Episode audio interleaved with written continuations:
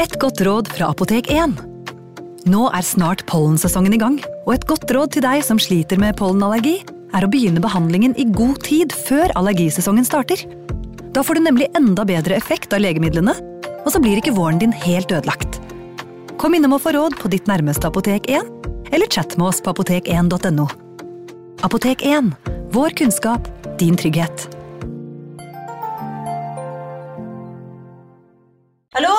Jeg kommer fra Oslo politikammer. Ine Jansen er purk. Er du purk? The motherfucking bitch. Alt jeg vil, er å finne ut hva som skjedde med mannen min. Jon Carew. Er jeg sikta for noe? Iben Akeli. Det er du. Ole So, Lars Berrum og Big Daddy Karsten. Hvem sin side er du på, egentlig? Anette Hoff, Tone Danielsen, Kommer du fra Afrika? Jørnis Josef, Nesten. Kløfta. Trond Espen Seim, Det er synd å si det, men det var feil mann som døde. Purk.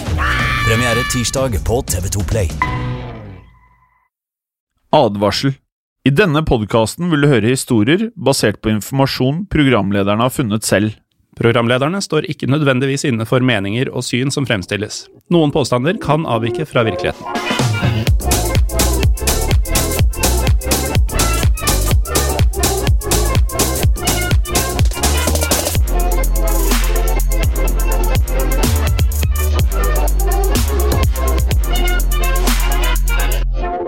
Og velkommen til nok en episode av eh, Historiepodden i hva vi kaller MK Ultra-serien, eller hva, Morten? Jo, det kan du godt si, Jim. For vi, ja. vi, vi skal så vidt nevne MK Ultra i dagens episode, selv om det ikke er, eh, er der eh, tyngden ligger akkurat i dag. Ja, det ligger ikke Vi har ikke tyngden på MK Ultra, men vi har tidligere spilt inn eh, MK Ultra, og da skjønte vi at det er flere ganske saftige historier som er et resultat av MK Ultra, som nesten ikke er til å tro. Ja, i større eller mindre grad eh, linka til det, i hvert fall. Eh, Det kom en del navn i løpet av de MK Ultra-episodene som, eh, som ga mersmak, og noe av det skal vi kjøre på med i dag. Ja, og vi kan jo begynne med å si at det fortsatt er slik at vi ikke sitter i studio, vi sitter ikke samme sted. Det kan vi godt si, og nå sitter vi faktisk lenger unna hverandre enn vi pleier også. For du, Ja, du, du- du er jo ikke i byen. Nei, nei, jeg, du skjønner at eh, jeg tenkte at i og med at jeg skal ha hjemmekontor til uka, at eh, jeg like greit eh, kunne være på en, en liten hytte. Ja. Så eh, nå er jeg faktisk til eh, fjells, mm. og har rigga sånn tålelig greit med akustikk. Får høre hva produsentene sier til dette men jeg tror de skal klare å gjøre en decent jobb, altså. Og for litt mer sånn landsens lyttere som ønsker å få et glimt av selveste Jim Fosheim, akkurat hvor, eh, hvor i fjellet er du? Jeg er i Geilo. Uh, ja, det er andre gangen jeg er her, så jeg har ikke sånn veldig eh, mye historie med å være her. Men uh, fint sted, Uh, veldig mye snø, og bilen min trives ikke der er glatt, kan jeg si. Nei. Så det er bedre i byen, ja. Ja, Nei, men det er fint, det. Det er veldig fint. Og du sitter i stua. Jeg sitter i stua, vet du. Ja. Men eh, vi skal ikke tilbake til noe sånn middelalder eller noe sånt i dag, eh, Jim.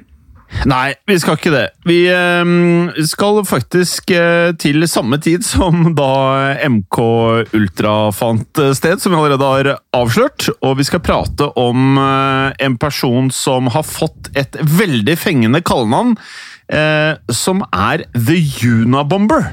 Yes, og ikke bare er kallenavnet fengende, men han må jo være en av de personene i historien som har fått eh, flest serier og filmer eh, lagd om seg.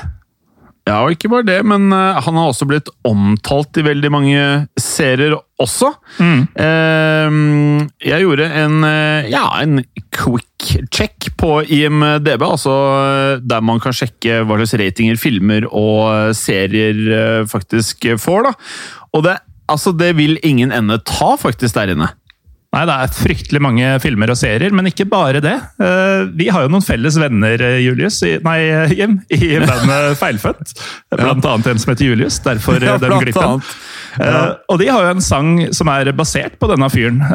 og den sangen heter rett og slett 'Mannen i skogen', og det gir ganske mye mening etter hvert. Men Ja, jeg har aldri hørt om den sangen her, selv om jeg kjenner både Feilfødt og Julius. Nei. Nei, men nok om det. Eh, Netflix har jo også laget en serie som heter Manhunt i ganske nyere tid. Og den har jo fått en del kritikk for å ikke være sånn helt uh, sannferdig. Ja, Unabomberen selv hadde vel sagt at uh, det meste der var oppspinn, men jeg kan si at jeg har sett den serien halvannen gang, tror jeg det er. For Jeg, jeg så den en gang og syntes jeg bare den var så ekstremt uh, bra at jeg begynte en gang til. Eh, det er vel noe av det beste på Netflix som veldig mange ikke har hørt om. Ok, Jeg har faktisk ikke sett det ennå, så det skal jeg ta en titt på. Men eh, Ja. uh, mye av grunnen til at det oppleves som veldig bra, sikkert, er jo at uh, selve Unabomber-saken var en av de tøffeste til FBI gjennom historien. For mannen var umulig å finne. Det er kanskje ikke helt umulig, men det tok da 17 år å få tak i The Unabomber. Og det er nok ganske mange som har hørt om The Unabomber eller Unabomberen, men eh, hvilke forbrytelser han faktisk begikk, er kanskje mer ukjent for mange. Ja, for det har nesten blitt mer et uttrykk å være en Unabomber, føles det som. Ja, Det er litt sånn eh, en kommentar du slenger ut når folk eh, har på seg hettegrens, hettegenser og solbriller, f.eks. Når, de- når de ser sånn ordentlig fyllesyke og, og folkesky ut. Ikke helt ulikt deg. Eller noe man sier til en som kanskje ikke har telefon. Ja, så Eremitter, eller folk som er det man kaller off the grid. Og mannen bak dette navnet, Unabomberen, er eh, Theodore John Kaczynski. Og enda en eh, popkulturreferanse her. Eh, Det svenske bandet Mando Diao, et av de kulere skandinaviske rockebanda på 2000-tallet, har en låt som heter Killer Kachin- Kaczynski. Ja, Heller ikke hørt om før eh, nå. Nei, Vi bare hiver etter lytterne i dag, vet du. Ja, vi hiver, og du, dette her, eh, jeg merker jo med en gang at dette her er jo et uh, tema du uh, har masse referanser til. Kanskje mer enn hva vi klarer å dytte inn i episoden. Ja, Vi får kanskje holde oss til eh, det vi skal snakke om snart. Ja, vi kan jo dytte inn litt til, for så vidt. Eh, Ted Kaczynski ble jo nærmest en legende, han, i FBI. Eh, og det er jo lett å forstå. 17 år hvor de jobber eh, på én og samme sak og samme fyr. Etterforskningen og jakten på The Unabomber ble den lengste og den aller, aller dyreste gjennom FBIs historie. Og Noe av grunnen til at jakta ble så vanskelig, var at han eh, la igjen falske ledetråder som sendte FBI på feil spor. Og um, FBI selv har uttalt at eh, denne fyren var et anonymt geni. Ja, man har jo eh, Man kan jo bli litt imponert når jeg så den der serien på Netflix. Jeg må jo si at den livsstilen eh, det, Han har jo egentlig en ganske fin livsstil. Det er bare at eh, det han driver med ved siden av den livsstilen, er ganske ekstrem. Ja, altså eh, is Isolert sett så kan det være vanskelig å forstå hvorfor en eh, ja, tilsynelatende ganske normal mann ville sende bomber i posten til vilkårlige ofre, som jo er det han er kjent for. Men Ted Kaczynski han hadde jo mange demoner som, som har fulgt han gjennom hele livet. Yes, Han var jo en idealist. Han hadde store drømmer om å da faktisk endre samfunnet. Men uh, hans gode intensjoner druknet i de da mange bombingene som skadet og drepte utrolig mange uskyldige mennesker. Ja, Vi kan jo si at uh, dette med idealisme og gode intensjoner og sånn, det er jo kanskje først og fremst noe som kommer fra han selv, for det er ikke helt lett å spotte hva han mener er så godt med dette, men uh, mer om det senere. Uh, vi kan jo dykke litt ned i eh, livet til Ted Kaczynski og se på hvordan han gikk fra å være en litt sånn nerdete lærer fra Chicago til å bli en ettersøkt terrorist fra hytta si i skogen. Ja, for Ted Kaczynski han ble født 22. mai 1942 i Chicago, Illinois. Og Teds foreldre, Wanda og Theodore, eh, var andregenerasjons innvandrere fra Polen. Og Theodore arbeidet som alle ting da pølsemaker. Teds lillebror David ble født da sju år senere, og da var vi kommet til 1949. Og Ted hadde en eh, normal oppvekst han, fram til han fikk eh, akutt elveblest som åtteåring. Og denne elveblesten gjorde at han var nødt til å isoleres. I løpet av tiden i isolasjon så hadde han veldig lite kontakt med andre mennesker, og etter han ble utskrevet fra sykehuset, så oppførte han seg merkelig, og da merkeligere enn før. De eh, påfølgende månedene viste han svært lite følelser og var kald mot alle rundt seg. Og det er jo ikke akkurat noe jeg forbinder med ja, elveblest, akkurat dette her. Nei, vi, eh, vi vet jo i dag at elveblest ikke er sånn superalvorlig, men eh, det kan virke som at eh, Ted hadde kronisk elveblest, og det kan være farlig fordi luftveiene kan bli tette. Ja. Oppholdet på sykehuset gjorde noe med Ted, og han ble veldig sympatisk mot dyr som var i bur eller i fangenskap. Noe vi også er, for så vidt, Morten. Jeg tror de fleste er det. Ja, De fleste er vel det nå, i hvert fall i 2020. Eh, Teds mor, Wanda, mente at dette var pga. det isolerte oppholdet som han da hadde på sykehuset. At han på en eller annen måte kunne identifisere seg med disse dyrene. da. Mm. Og Ted ble heldigvis kvitt eh, elveblesten og kunne begynne på skolen som eh, normalt. Og de første skoleårene tilbrakte han på Sherman Elementary i Chicago, der han var godt likt av både elever og lærere. I 1952 bestemte familien seg for at de skulle flytte til forstaden Evergreen Park, og Ted var derfor nødt til å bytte skole. Og på den nye skolen tok han en IQ-test, der det viste seg at han hadde en IQ på svimlende 167! Og det er vel ikke akkurat det vi har, Morten? Nei, det er neppe. Um, neppe. Altså Når du sier svimlende, så er jo det fordi det er en ekstremt høy IQ. En gjennomsnittlig IQ, som kanskje er mer der vi ligger hjem, uh, ligger på rundt 90 til 110. Så la oss si at du og jeg er på henholdsvis uh, 91 og 94. da. Hvis vi skulle gjette vilt. Ja. ja. hvis vi skulle gjette. Og det er jo ikke noe nytt i historien at mennesker med høy IQ har vokst opp til å bli seriemordere og også kriminelle. Både Jeffrey Dahmer og Edmund Kemper hadde f.eks. en IQ på over 145 hver seg. Og Apropos Ed Kemper, eh, jeg må klemme inn en eh, popkulturreferanse til. fordi Mindhunter på Netflix uh, Har du sett det igjen? Om jeg har. Den, eh, den er vel to sesonger? Ja, det, det er riktig. Og, eh, Fantastisk. Ed Kemper dukker jo opp i en eh, tidlig episode der, og han som spiller Kemper, er så utrolig bra. Altså, han er så er creepy. Sinnssykt! Ja. Han er så svær og, og, rolig og kald og kalibrert! Ja. Man er ikke keen på å være der. Han snakker så objektivt om drapene han utførte. og ja, Det er bare sånn kaldt og klinisk og fælt, samtidig som han bonder litt med, med, hovedpersonene. Og jeg må bare legge til, for at det, eh, det, her var litt av det som gjorde at uh, serien om The Unabomber tror jeg for veldig mange kom litt under radaren, var at uh, Mindhunter og Manhunt The Unabomber, som den andre heter, altså uh, Unabomber sin serie, de hadde veldig like navn. Mindhunter, Manhunt. Mm. Og de kom ca. samtidig. Og det var ikke så mye promo for de på eh, Netflix, så jeg så jo først Mindhunter, og så fant jeg liksom Hæ? Manhunt? Ok, det er to forskjellige. Og så begynte jeg å se på den, og så syns jeg nesten at Manhunt var bedre enn Mindhunter. Uansett så har vi jo da gitt eh, lytterne gode tips til videre ja, koronaliv. Um, tilbake til Ted Kaczynski. altså Pga. denne skyhøye IQ-en som vi nevnte, så fikk han lov til å hoppe over sjette klasse. Men overgangen til den nye klassen den gikk ikke helt som han hadde håpa på. Nei, for i den forrige klassen hadde han hatt eh, flere venner, og var til og med ansett som en slags leder av de andre medelevene. Ted passet rett og slett ikke inn i den nye klassen, og endte opp med å bli mobbet. Ja, og Moren eh, Wanda hun så en forandring i sønnen sin og begynte å bli eh, bekymret. Hun kunne se at han ble mer og mer sjenert og inneslutta, og lurte på hva som var galt med sønnen sin. Eh, Wanda lurte etter hvert på om han var på autismespekteret, og vurderte å plassere han i en studie for autistiske barn. Men hun ble ikke enig med seg selv og endte opp med å ikke gjøre dette. Hun håpet at eh, Teds sosiale antenner ville utvikle seg, og naturlig da videre gjennom oppveksten. Ja, og Både Ted og broren eh, David eh, var begavede barn som gjorde det ekstremt bra på skolen.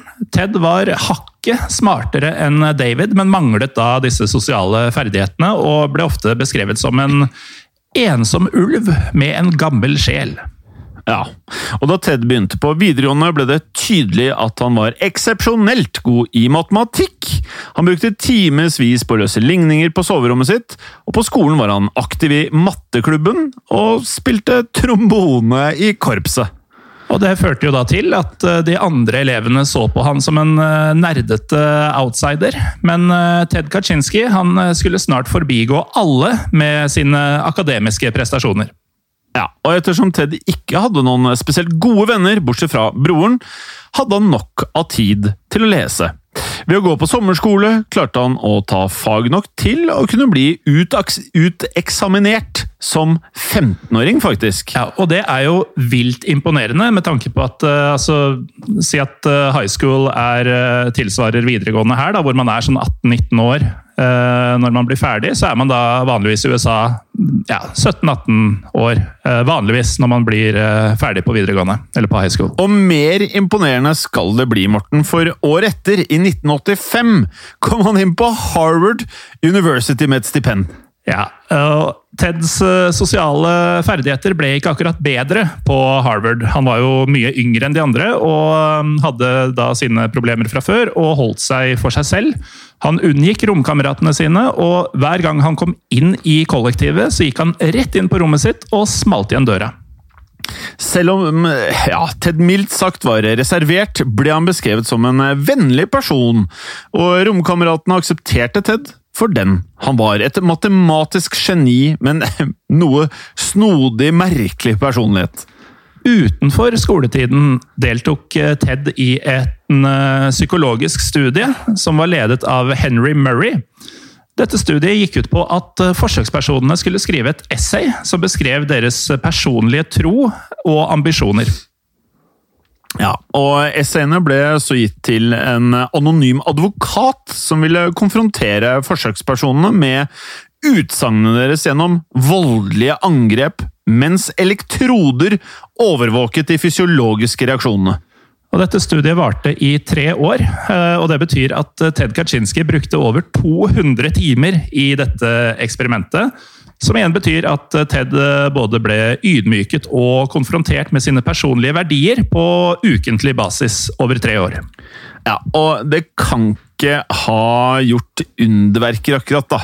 Nei, og det er jo her eh, linken til det du nevnte innledningsvis eh, kommer, hjem. Noen kilder mener at eh, Murrays eh, studie var en del av MK Ultra. Nettopp, som vi jo da har prata om før, for bare et par uker siden her i Historiepodden. To episoder, faktisk. To episoder måtte til, og eh, flere spin-offs som denne, og flere kommer. Og denne gangen, når vi spilte inn to episoder på rappen, så klarte vi da å ikke time de én på iTunes og én på Podme. Så det var godt gjort, det òg. Ja, så da var det ingen lyttere som ble rasende på oss. sånn, sånn som da vi kåla til med Columbus. Eh, uansett, uh, flere mener at uh, denne opplevelsen med dette studiet har, kan ha vært med på å motivere Kaczynskis senere handlinger. Etter at Ted ble uteksaminert fra Harvard i 1962, fortsatte han studiene på University of Michigan. Og her fokuserte han på matte, og spesialiserte seg i geometrisk funksjonsteori, Morten! Naturligvis. Det har ikke vi gjort. Nei. Ja, naturligvis. Han tok både master og doktorgrad på skolen, og fikk en eh, assisterende ja, lærerstilling, da. Og Gjennom eh, hele studietiden så hadde Ted kun fokusert på fag. Han hadde ikke fått seg noen gode venner, eller hatt noen eh, type romantiske relasjoner. Han var da svært frustrert over å være jomfru, samtidig som han var altfor nervøs til å kunne prate med kvinner, som gjorde at han heller eh, han tok til fantasien. Ja, og i 1966 begynte han å ha intense seksuelle fantasier om å være kvinne, og bestemte seg for at han skulle gjennomgå et kjønnsskifte. Han bestilte derfor en time hos en psykiater, men så ombestemte han seg i venterommet og dro. Og dette ble et vendepunkt i Teds liv. For han avskydde sine egne seksuelle begjær og følte seg ydmyket av hva han hadde fått for seg, altså av sine egne drifter og tanker. Ja. Året etter var eh, kjønnsskiftet glemt, og Ted fikk en jobb som assisterende professor på Berkeley. På universitetet underviste han i geometri, men elevene mislikte Teds lærerstil. Han var eh, ansett som en klønete lærer uten noen form for formidlingsevne, og gjorde ikke annet enn å lese direkte fra læreboka. Og dersom elevene stilte spørsmål, så nektet Ted å svare! Altså, eh, Jeg eh, har jo noen års erfaring som lærer, Jim. Du har ikke det. Men jeg tror ikke du trenger å ha vært lærer selv for å skjønne at det her er ganske elendig lærerstil. Ja Jeg har hatt mye dårlige lærere, da. Det har jeg. Jo, men jeg tror nok fort Ted Kaczynski hadde tatt kaka ut fra det vi hører her. Eh, og muligens skjønte han det sjøl, fordi en dag, uten noen forklaring, så slutta han bare i jobben. Han eh, forlot eh, California og flytta hjem til foreldrene i Illinois. Ja, og her, eh, som man kanskje som lytter nå skjønner, så endres litt av historien om Ted, da. Etter to år i Illinois fant han ut at han ikke ønsket å leve som foreldrene hans gjorde. Og i 1971 flyttet han ut til en eh, primitiv hytte som han hadde bygd i Lincoln i Montana. Hytten var både enkel og målte ikke mer enn tre ganger tre og en halv meter. Eh, Der hadde ikke du hatt veldig mye plass å, å bevege deg på, Morten. Nei, men Det hadde ikke du eller noen andre heller, egentlig. Det er smalt. Nei da. Ja, Smalt, men sikkert ikke veldig deilig om man er høy heller. Nei. Spesielt. Eh, Målet hans var eh, nå å leve et enkelt liv i denne bitte lille hytta, uten verken elektrisitet eller vann. Nei, Ted ønska rett og slett å bli selvforsynt, og lærte seg selv eh, både jakt, jordbruk og mm, kanskje viktigst av alt, identifisering av planter, sopp og generell vegetasjon. Eh, Han sykla ofte ned til det lokale biblioteket for å lese bøker, og ble godt kjent med naturen rundt hytta. Men denne idyllen som det faktisk høres ut som det var, den var kortvarig. For i skogen begynte Ted å irritere seg over byggeprosjekter som ble utviklet i området. Han mente at det var umulig å leve et enkelt og fredfullt liv i naturen når den stadig ble ødelagt av folk som skulle bygge nye og mer moderne bygninger.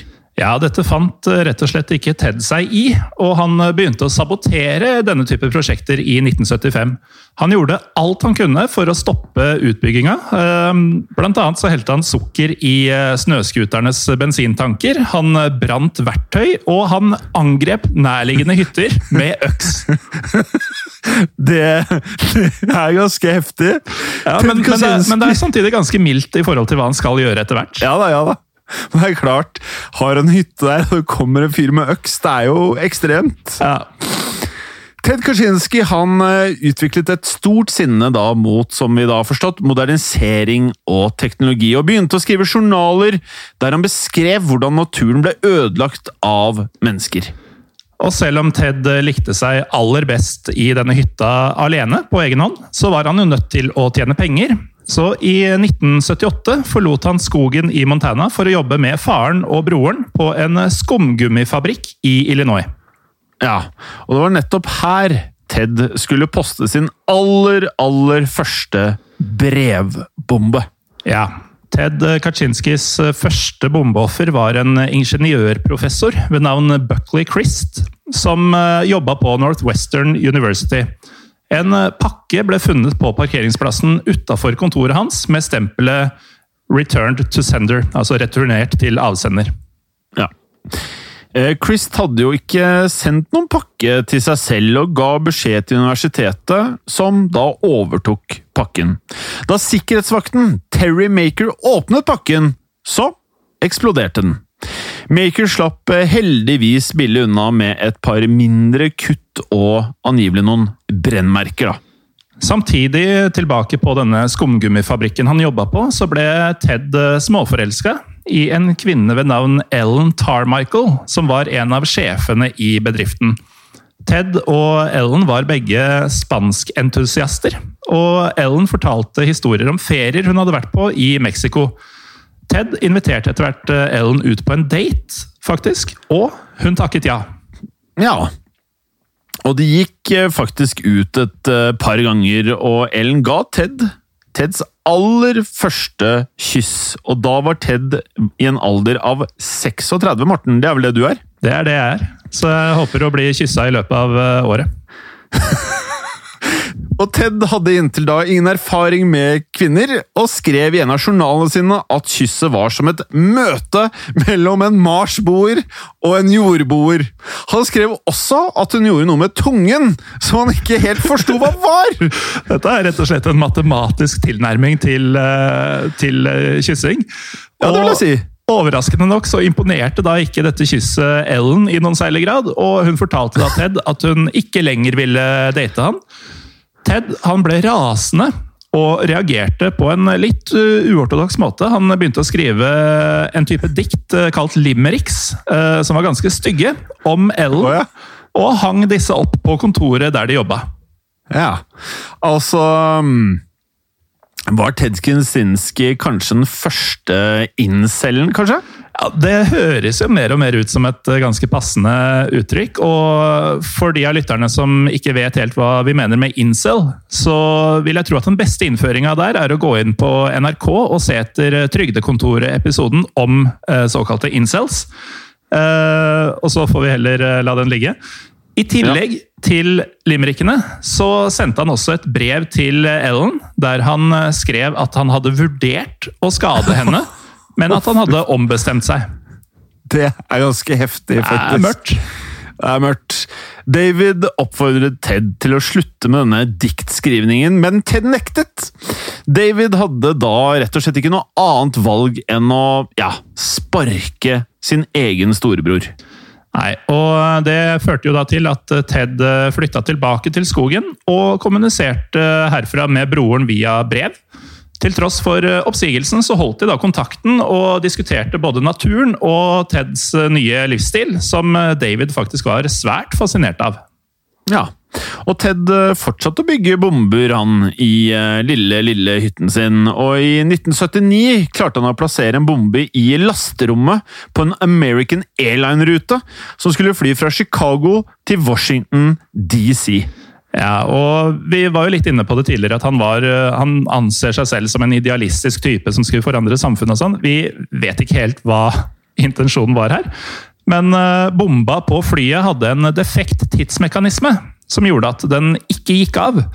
eh, Heldigvis, men derimot så ga bomba fra seg en stor mengde røyk, som gjorde at flyet måtte nødlande. Ja, og Bombegruppen som eh, tok hånd om denne hjemmelagde bomben, fortalte at den hadde nok kraft til å faktisk tilintetgjøre flyet dersom bomben hadde gått av. Ja, og Dette bombeforsøket var jo da ansett som en føderal forbrytelse i USA, noe som eh, drar inn eh, FBI, og en grundig etterforskning ble derfor igangsatt.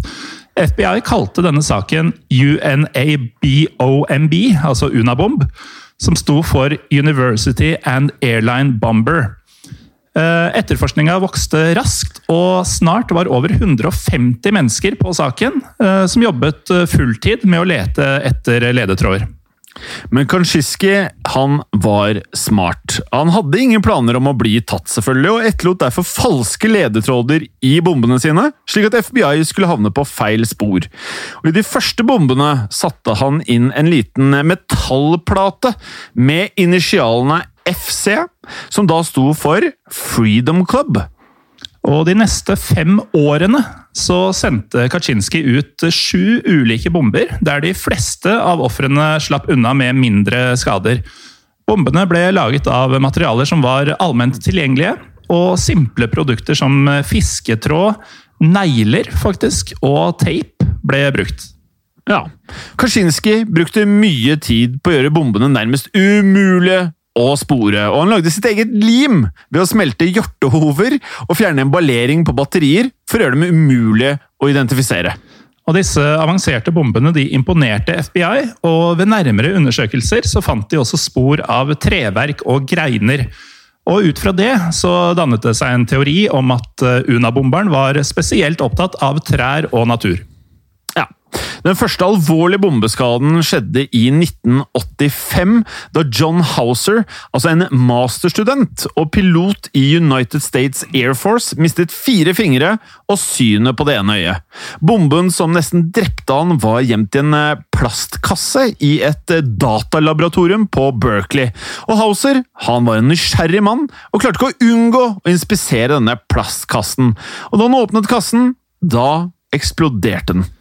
Hausers eh, syn det kom tilbake, men disse fire fingrene de kunne ikke reddes. og John Housers drømmer om å bli luftvåpenflyver og astronaut det gikk da i vasken etter at han ble offer for eh, Unabomberens felle. Ted Kaczynski ble stadig flinkere og mer erfaren til å lage bomber, og det samme året skulle han drepe sitt aller første offer. Kaczynski sendte en bombe til Hugh Scrutton, en mann som eide en databutikk i Sacramento. Bomben var gjemt inni noe som så ut som en, ja, en trestokk av en sort, og da Scrutton gikk bort for å fjerne denne stokken, eksploderte bomben. Kaczynski skal selv ha skrevet i en eh, journal at uh, Butikkeieren kan ikke ha følt noe. Han ble sprengt i stykker. Utmerket. Ja. Og det kan for veldig mange andre på planeten enn Junobomberen eh, høres ganske sykt ut. Ja, og han var nok eh, på grensa til, eh, til sprø, selv om Ted Kaczynski etter sin egen mening da, hadde stor suksess i yrkeslivet. Uvisst hva han mente med det, egentlig, der han satt i hytta si for seg selv så hadde han da ingen framgang i privatlivet.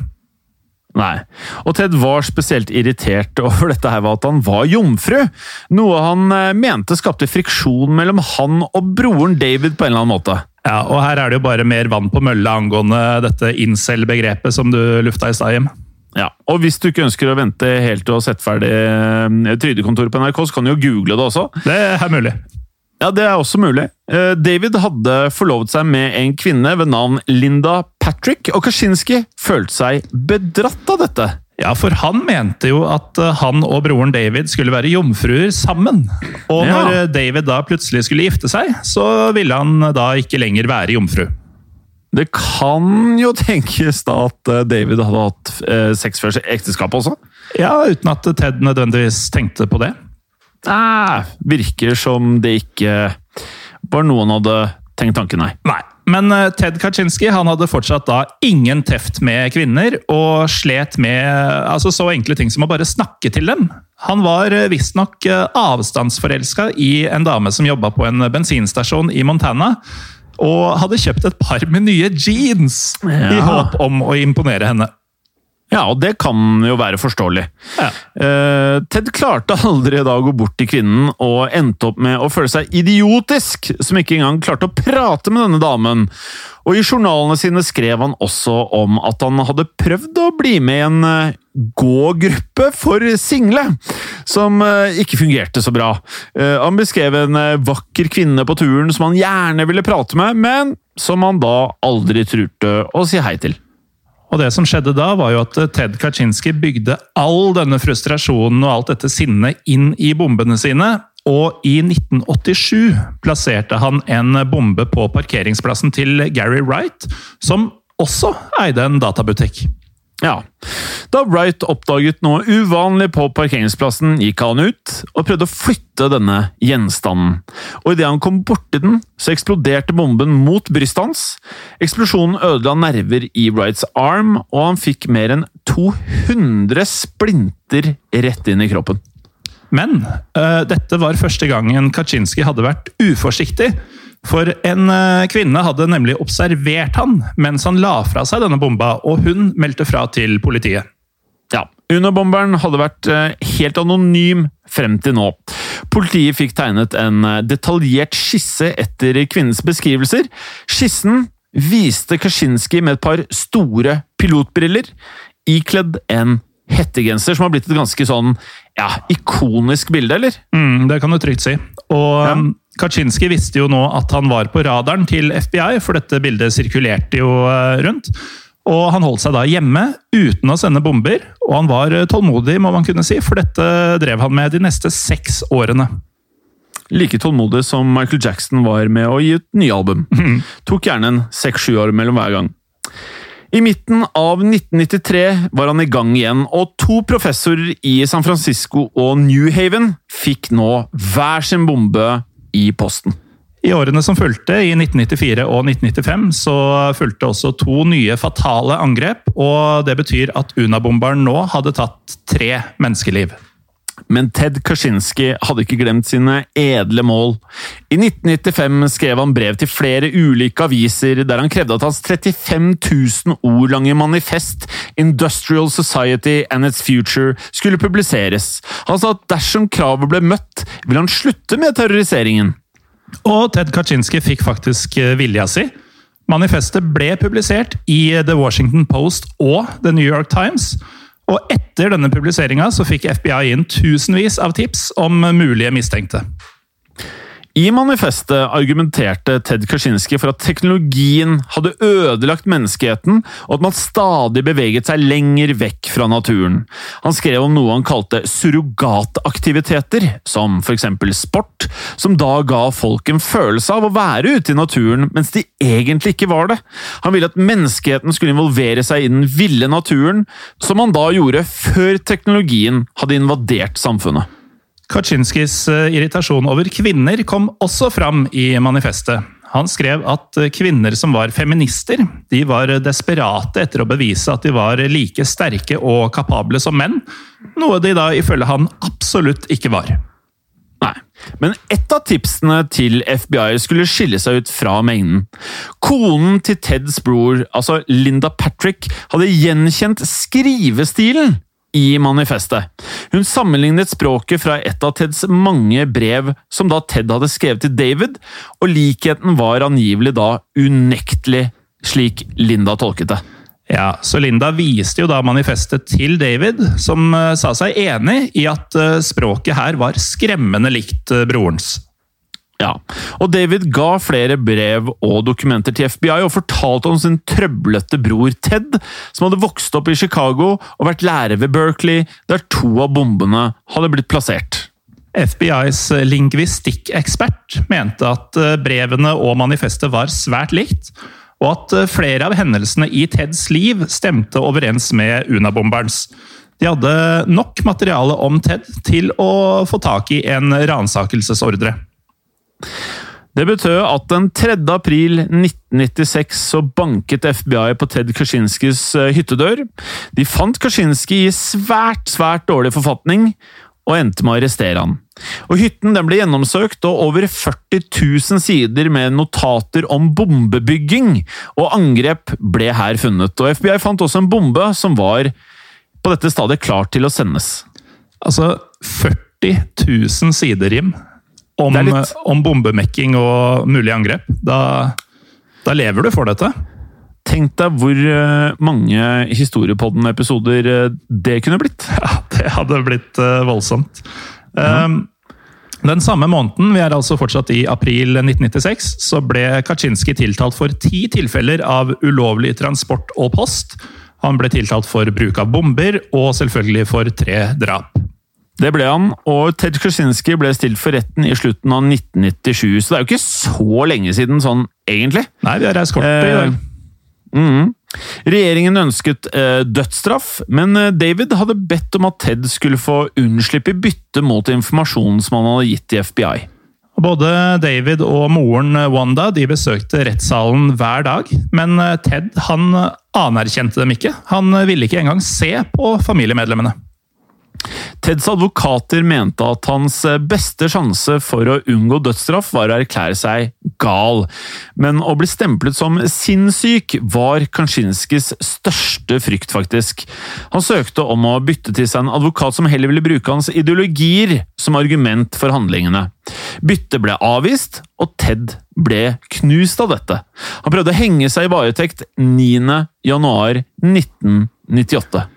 Men uh, stikkordet 'prøvde' er jo uh, ja, stikkordet her, fordi dette selvmordsforsøket det mislyktes. Og til tross for Teds ønsker, så ble en psykiatrisk evaluering bestilt. Og Ted Kaczynski ble da diagnostisert med paranoid schizofreni. 21.1.1998 erklærte Ted Kaczynski seg skyldig i alle anklager og aksepterte livsvarig fengsel uten mulighet for prøveløslatelse. I ettertid så har FBI gjennomgått etterforskninga og prøvd å komme til bunns i hvorfor de brukte så lang tid på å fange Ted Kaczynski. Og til tross for at eh, dataanalytikere hadde laget en liste over potensielle mistenkte, og at Ted Kaczynskis navn faktisk var på denne listen, hadde etterforskerne trodd at de lette etter en eh, mye eldre mann. Teds usedvanlige liv gjorde det vanskelig å sette fingeren på alderen hans, og FBI hadde uttalt at de aldri kunne vite at Ted begynte på Harvard som 16-åring. Nei, for det er jo veldig uvanlig. Det er veldig uvanlig, og de siste 20 årene har eh, Ted Kaczynski tilbrakt i fengsel. Og på denne tiden har han eh, brukt eh, mye tid på å bli mer vennlig og en mer sosial type. Og da han først ble fengslet, ble han god venn med Ramsey Josef, en av gjerningsmennene bak 9-11, og Timothy McVie, som også er kjent som The Oklahoma Bomber er ikke sånn Det er ikke de vennene jeg ville valgt meg. Nei, det er, eh, det her er karer det er greit å ikke sosialiseres altfor mye med, kanskje. Mm. Denne trioen diskuterte angivelig alt fra religion til politikk, og vennskapet varte frem til eh, McVeigh ble henrettet i 2001. Så litt sånn spesielt vennskap, dette her. Ja, det kan du si, og det er jo en spesiell type vi har med å gjøre, denne Ted Kaczynski. Da um, skoleklassen hans fra Harvard skulle ha gjenforening, så ble han tilsendt et uh, skjema der han skulle fortelle hvordan det sto til med han nå. Og um, under uh, jobb, eller yrke, så fylte han inn at han jobba som fange. Og under uh, spesielle utmerkelser så skrev han at han hadde fått en livstidsdom. Ja, det er jo, det er jo litt annerledes creds, kanskje? Ja, det er jo det. Eh, men uansett så sitter jo da Ted Kaczynski i fengsel på livstid, og har jo da god tid til å tenke på alt han har gjort. Angivelig har han eh, tonnevis med brevvenner da som skriver til han daglig. Ja, Og ikke nok med det, Jim. I fengselet så fant han også den store kjærligheten til slutt. Ja, han gjorde det. Joy Richards, en barneskolelærer, tok eh, kontakt med Ted etter arrestasjonen i 1996, og de to ble svært gode venner. Og Joy var eh, ekstremt privat som person, men fortalte venner at hun eh, syntes at Teds manifest var nærmest genialt. Ted kalte da Joy for Lady Love, og hun, hun, besøkte han uh, hyppig. Og når hun ikke kunne treffe han, så sendte hun brev, og hun ringte. Ja, Men Ted Kaczynski irriterer seg sikkert fortsatt over at han eh, er jomfru, ja. tror vi. Jo, det må vi nesten tro, for paret fikk eh, aldri røre hverandre. Altså, De har aldri delt så mye som en klem. Nei. Og Joy hun døde av lungekreft i 2006. Og Teds siste romantiske gest var et lydspor han hadde komponert som ble avspilt for Joy. Og for eh, de som lurer på hva som har skjedd med denne hytta som Kaczynski bodde store deler av livet i, så kan vi fortelle at den sto på utstilling i Washington DC fram til starten av dette året, altså 2020, da den ble returnert til FBI. Det er den kanskje hører hjemme. Ja, det, det er jo greit nok, det. Um, ja. Og Det var egentlig det vi hadde i dag. i historiepodden. Ja, Men det var ikke så rent lite? Nei, det var ikke så rent lite. Det var en, eh, ja, Vi har nesten teppebomba folk med interessante opplysninger. Veldig smart der, Morten. Ja, jeg glimter til iblant. Ja, der var du kjapp. Eh, til dere som hører på, så håper vi jo dere har lyst til å fortsette å høre på oss i ukene som kommer. Vi har jo nye episoder hver tirsdag. Og vi håper også at i mellomtiden eh, at dere kan følge oss på Facebook og Instagram. Vi heter Historiepodden Norge begge steder. Og så må vi gi creds til alle som eh, er blitt en del av Facebook-gruppen vår Historie for alle. Og nå, nå har det begynt å ta seg opp skikkelig med poster fra følgerne. Ja, nå skjer det ting der. Og, ja. Um, det er jo uh, spesielt én lytter som har vært veldig aktiv uh, på, i innboksen vår i det siste, som også nesten dissa oss litt. Uh, så du det, Jim? Hvor, ja. hun, hun, mente at hun trengte historiepodden for å få sove. Ja. men, ja, det er jo litt eh, diss på en måte, men jeg, jeg tror det hun mente, eh, som jeg har med noen podkaster jeg hører på selv, faktisk, at eh, jeg blir så vant til stemmene til folk at jeg syns det er behagelig å høre på dem. Mm. Og det behaget gjør at jeg også blir avslappet. Som kan lede til at jeg får sove. Så jeg, jeg, velger egentlig å se på det som mer ros enn ris. Ja da, det var, det var sagt med kjærlighet, men uh, jeg, liker ja, jo, jeg, liker jo, å tolke ting som fanden leser Bibelen, som man sier. Uh, ja. ja. nei, det er jo en måte å si det på. Mm. Men uh, dere der hjemme, husk dette her har faktisk skjedd. Og dette her kan faktisk skje igjen. Og det kan skje igjen etter det òg. Ja, men da holder det. Da holder det. Ha det bra! Ha det! I produksjonen av Historiepodden så ønsker vi å takke Håkon Bråten for lyd og musikk. Takk til Felix Hernes for produksjon. Takk til Ellen Froktenestad for tekst og manus. Og takk til deg, Morten Galesen, for programlederrolle. Og takk til deg, Jim Fosheim, for programlederrolle. Moderne media. Har du et enkeltpersonforetak eller en liten bedrift? Da er du sikkert lei av å høre meg snakke om hvor enkelt det er med kvitteringer og bilag i fiken, så vi eh, gir oss her, vi.